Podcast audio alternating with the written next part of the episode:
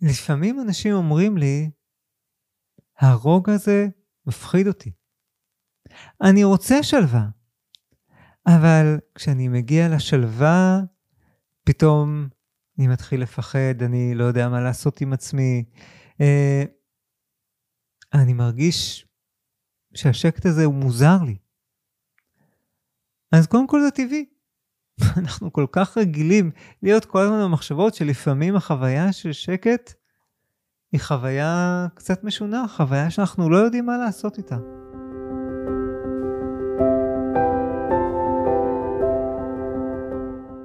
היי, אני ניר קראוזה, ואתם איתי בפודקאסט כל המיינדפולנס, שבו אנחנו מפרקים את הסטרס לחתיכות, וממלאים את המרחב בשלווה, שיח מדעי ואורחים מרתקים.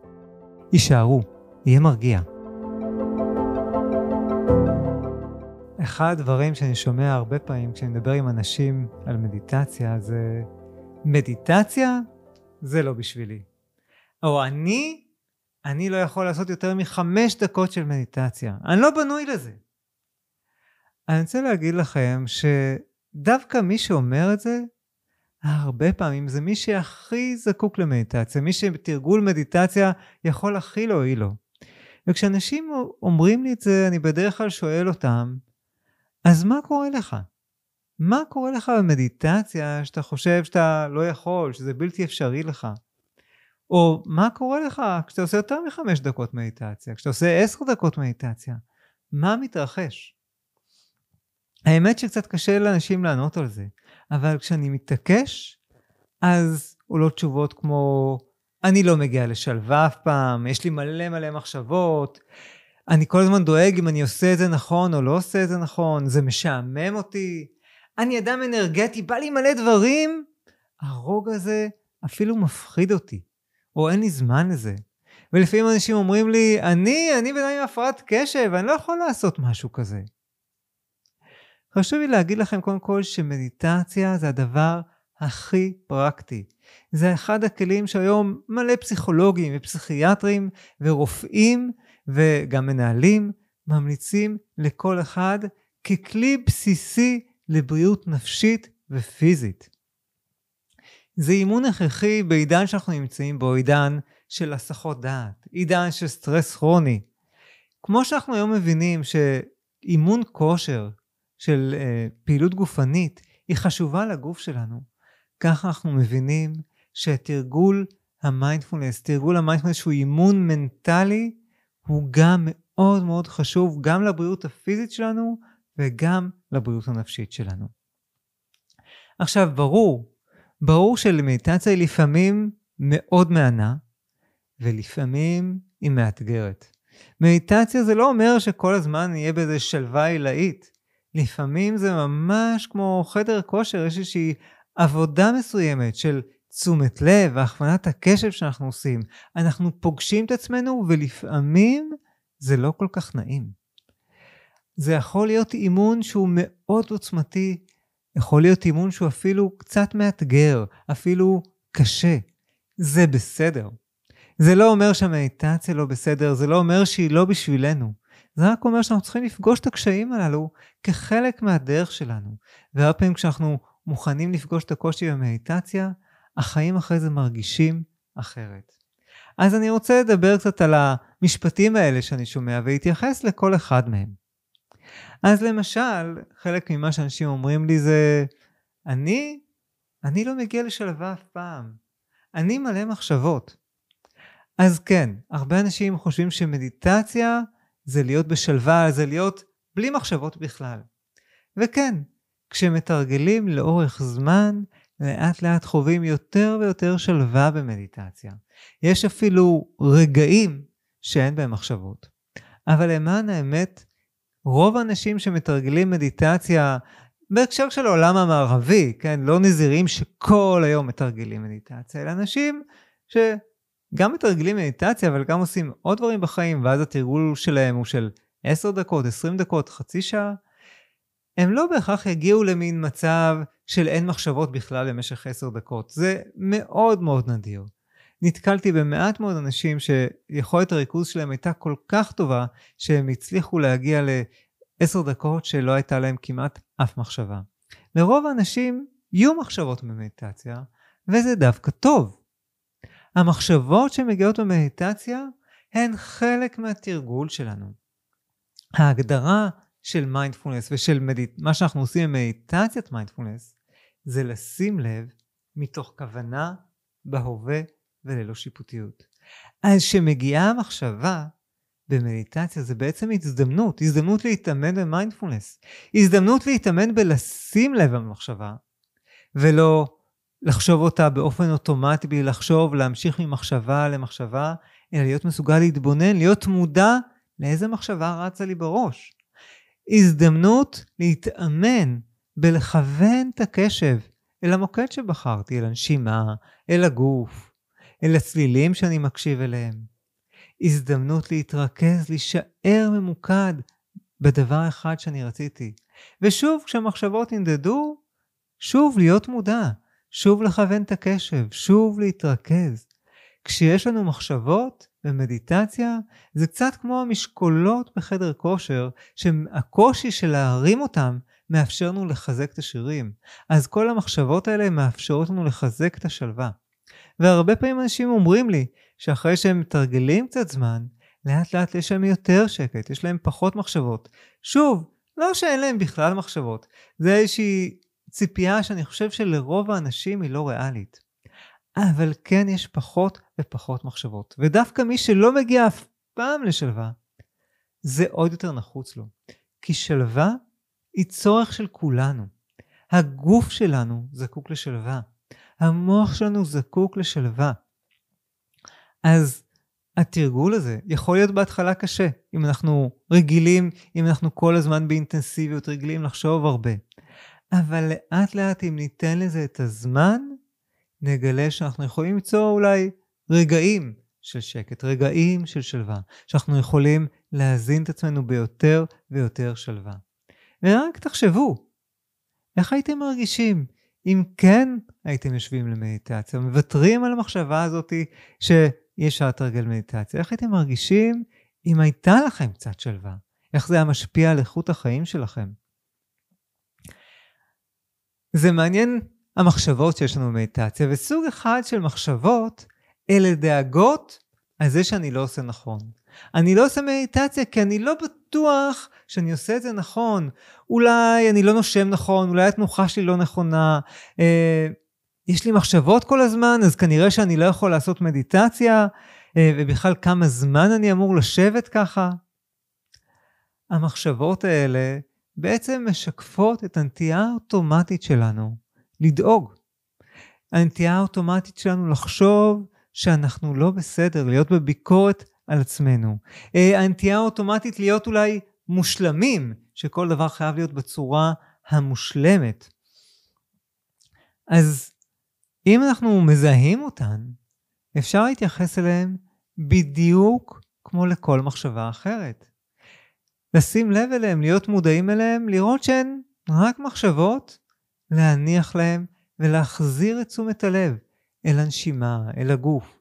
שוב, אני אומר, בכל מדיטציה יש מוקד אחר שאנחנו בוחרים. יש מדיטציות שבהן אנחנו מתמקדים בגוף, יש מדיטציות שבהן אנחנו מתמקדים בנשימה, יש מדיטציות שאפילו המיקוד שלנו הוא רק בלהיות מודעים למה שמתרחש, גם למחשבות, גם לצלילים, מה שמתרחש בחוץ, מה שמתרחש בפנים.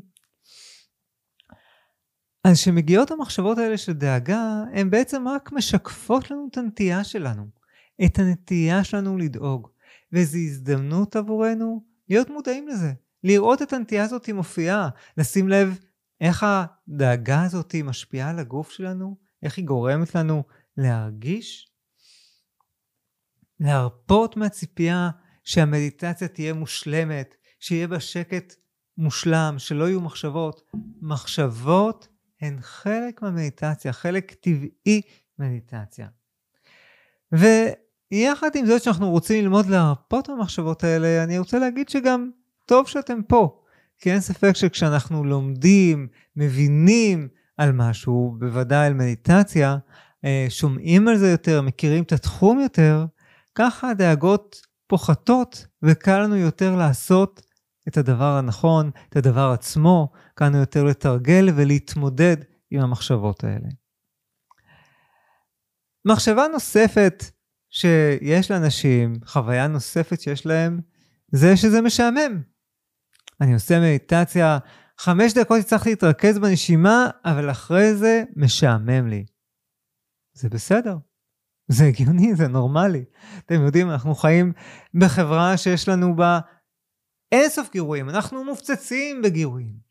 ופתאום לעשות דבר אחד, להניח לכל הגירויים, לא פלא שזה משעמם. האמת שהיום פסיכולוגים אומרים לאנשים, לכו תשתעממו. אנחנו יותר ויותר מבינים שזה חשוב להשתעמם, שכשאנחנו משתעממים, אנחנו יותר יצירתיים. ואחת ההזמנות שלי לאנשים שמשתעממים זה להביא סקרנות. סקרנות היא סוג של נוגדן לשעמום. אז למה אפשר להיות. סקרן, אתם שואלים, בזמן מדיטציה? אז קודם כל השעמום. רגע, שעמום, מה קורה כשאני משתעמם? איזה מין מחשבות יש לי? מה קורה בגוף שלי כשאני משתעמם? אולי הוא נהיה כזה יותר אה, שקוע, יותר ישנוני? איזה מחשבות יש לי? ומה עוד אני יכול להסתקרן? אולי אני יכול דווקא להסתקרן מהנשימה שלי?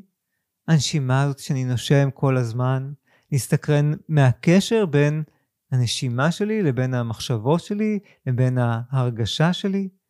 סקרנות, להביא סקרנות זה הנוגדן לשעמום במדיטציה. ומצד שני, זה בסדר, אפשר להסכים להשתעמם. עוד משהו שלפעמים אומרים לי זה שאני אדם אנרגטי, ובא לי מלא דברים. אז קודם כל, זה נהדר שאתם אנרגטיים. זה נהדר שאתם עושים הרבה דברים. אה, זה כיף. אני ממש לא מעודד אתכם להיות חסרי אנרגיה, או להפסיק לעשות דברים. אה, אני יודע שחלק מהקהל שלי הוא בגיל מבוגר, ועוד יותר בגיל המבוגר חשוב שנהיה מעורבים בחיים, שנעשה דברים, שלא נמצא אנשים בגיל מבוגר שהם כל היום מול הטלוויזיה, הם הולכים ודועכים. אז זה נהדר שעסוקים בכל מיני עיסוקים, וזה נהדר שעושים כל מיני דברים, וזה נהדר כשיש לנו אנרגיה וכוחות, אבל לא כדאי לשים לב. כדאי לשים לב שכשאנחנו כל הזמן בעשייה, כל הזמן בריצה, זה שוחק. זה שוחק את הגוף, זה שוחק את המוח. הגוף והמוח שלנו זקוקים לעצירות. כמו שאמרתי כבר, יש לנו צורך בשלווה, זה אחד מהצרכים הטבעיים שלנו, ואני חושב שבחברה שלנו, הצורך הזה לא ממש מקבל מענה. אנחנו בחברה שמחנכת אותנו כל הזמן להיות בעשייה, כל הזמן לרוץ, גם בזמן המנוחה שלנו, תעשו דברים, תהיו פעילים, תעשו ספורט. חשוב לעשות ספורט, כמובן שחשוב, אבל גם חשוב שיהיה לי זמנים של שקט, זמנים של שלווה. ועל הצורך הזה חשוב שגם ניתן את הדעת. לצורך הזה גם חשוב שניתן קצת זמן של רוגע ושקט והתבוננות, זמן שאנחנו מקבלים עם המדיטציה. לפעמים אנשים אומרים לי, הרוגע הזה מפחיד אותי. אני רוצה שלווה, אבל כשאני מגיע לשלווה, פתאום אני מתחיל לפחד, אני לא יודע מה לעשות עם עצמי. אה, אני מרגיש שהשקט הזה הוא מוזר לי. אז קודם כל זה טבעי. אנחנו כל כך רגילים להיות כל הזמן במחשבות שלפעמים החוויה של שקט היא חוויה קצת משונה, חוויה שאנחנו לא יודעים מה לעשות איתה.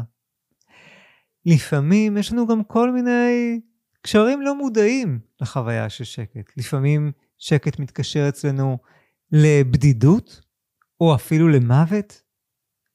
כשמגיעה חוויה כזאתי, ההזמנה במיינדפולנס היא להיפתח, לחקור אותה, לשים לב, לשים לב מה קורה לי בגוף כשאני מפחד, לשים לב למחשבות שלי, לאמונות שלי, במה אני מאמין שהשקט הזה מפחיד אותי. לשים לב לקולות של הפחד ולא להזדהות איתם. לתת לעצמי זמן לאט לאט להתרגל לשלווה. יכול להיות שאני צריך את זה בהדרגתיות.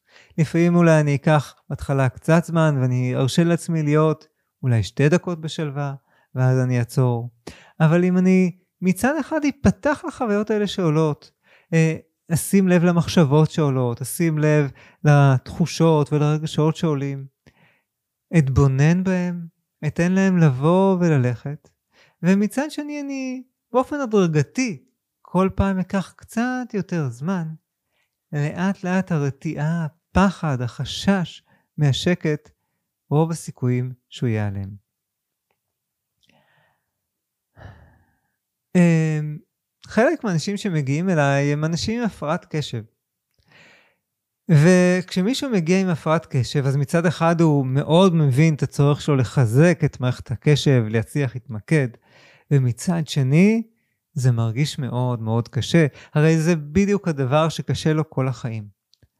ולאנשים עם הפרעת קשב, הרבה פעמים אני אומר, כן, תרגול מדיטציה בהתחלה יכול להיות שיהיה לכם יותר קשה מלאחרים. אתם תרצו להתמקד בנשימה ויהיו מלא מחשבות.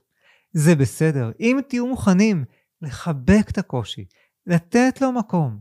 אם תהיו מוכנים שהמחשבות ינדדו, ועדיין הכי מהר שאתם יכולים, לשים לב ולחזור לנשימה. לאט לאט אתם תחוו שינוי מאוד מאוד משמעותי, כי לאט לאט רשתות הקשב שלכם יתחזקו. וכשהן חלשות, כל שינוי הכי קטן הוא הכי משמעותי. אני זוכר שאשתי לפני המון שנים נסעה לויפאסנה, והיא סיפרה אחרי זה שההרגשה היא שזה כמו לעשות מכונת כביסה למוח. ואשתי גם אחת מהאנשים האלה שנולדו עם הפרעת קשב אה, מכובדת. אורנה שלמדה אצלי, בהתחלה אמרה, וואי, כל כך קשה לי, יש לי מלא מחשבות, אפילו חמש דקות לשבת אני לא מצליחה. אבל היא לא ויתרה. היא התמידה, היא תרגלה. אחרי חודשיים היא גילתה שאפילו חצי שעה היא מסוגלת לשבת, ולא סתם, היא נהנית מזה. אחרי עוד קצת זמן, היא הצטרפה אליי לבוקר של שבקת, במשך כשלוש-ארבע שעות תרגלה שקט, תרגלה מדיטציה, ויצאה מזה ממש מוארת, בחוויה עצומה של הצלחה. וואו, אני לא מאמינה שהצלחתי. אז אנשים עם הפרעת קשב, אני רוצה להגיד לכם, כן, זה יכול להיות קצת מאתגר. אין ספק, יהיו לכם מחשבות, אבל אם תתמידו ותתרגלו, ושוב ושוב תשימו לב למחשבות, ותחזירו את תשומת הלב לאן שאתם בוחרים, לאט לאט מערכת הקשב שלכם תתחזק, תהיה יותר פעילה, תהיה יותר מחוברת להרבה אזורים במוח, ואתם תרגישו את ההשפעה של זה על כל היומיום שלכם. אני רוצה לתת עוד כמה טיפים קטנים. אז קודם כל, יש אנשים שטוב להם ישר להתחיל ב-20 דקות של מדיטציה ואפילו יותר, אבל לפעמים גם יש אנשים שכשהם מתחילים ככה זה גורם להם לוותר.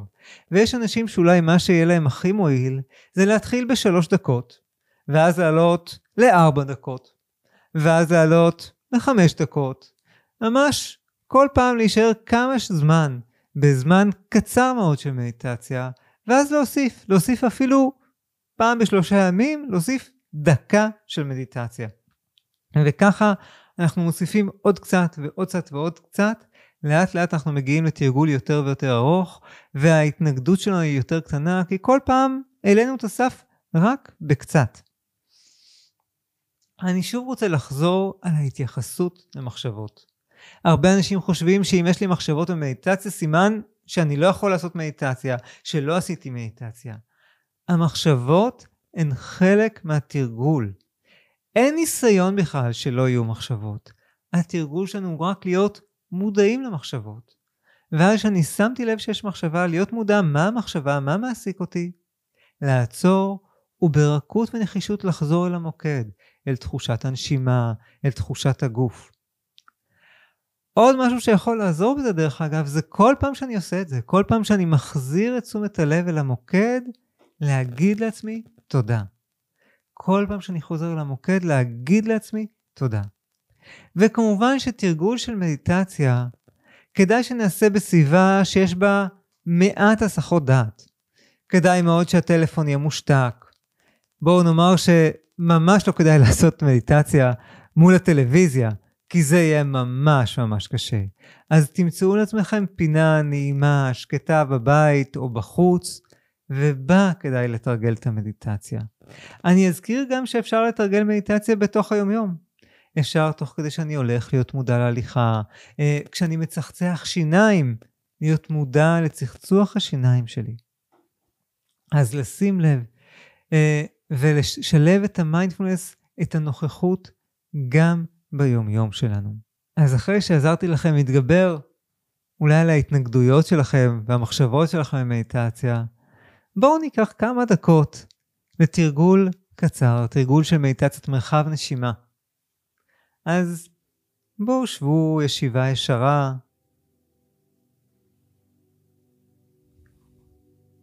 שימו לב, מה שלומכם עכשיו? מה לקחתם מהפרק הזה?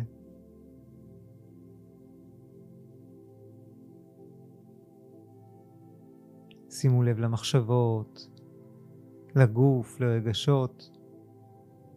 והיו סקרנים אל מה שיש עכשיו. הביאו קבלה בסקרנות.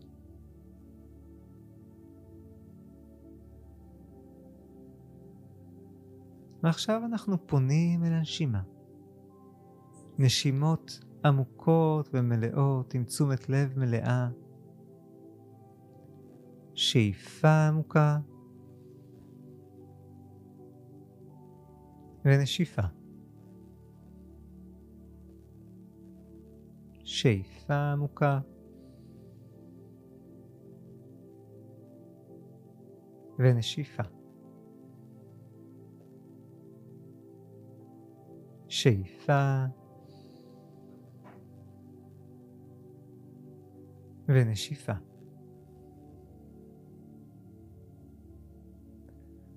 אפשר להרפות מהמאמץ לנשום עמוק ורק עוד רגע ללוות את תחושת הנשימה.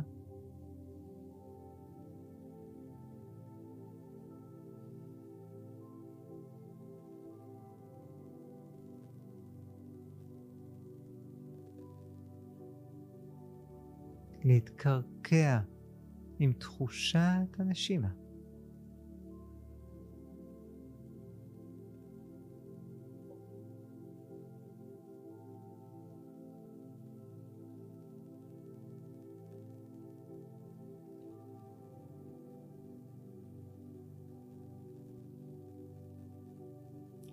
ועכשיו לתת למודעות להיות פתוחה ורחבה כמו השמיים. לשים לב למחשבות, רגשות, תחושות, לצלילים.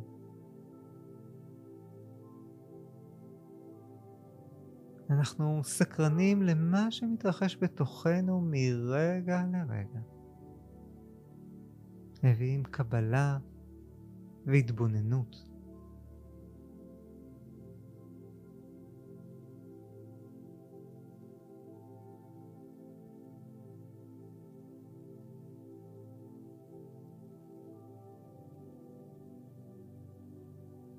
אומרים לעצמנו תודה. תודה על הזמן שלקחתי ללמוד משהו חדש. לתרגל עכשיו מדיטציה, מיינדפולנס.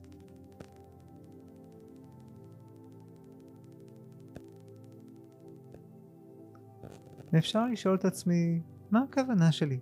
מה הכוונה שלי עכשיו? ברגע הבא.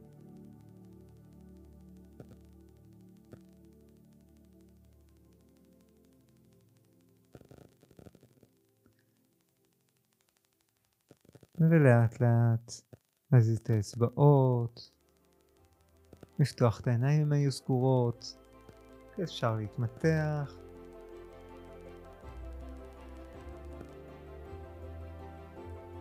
וסיימנו.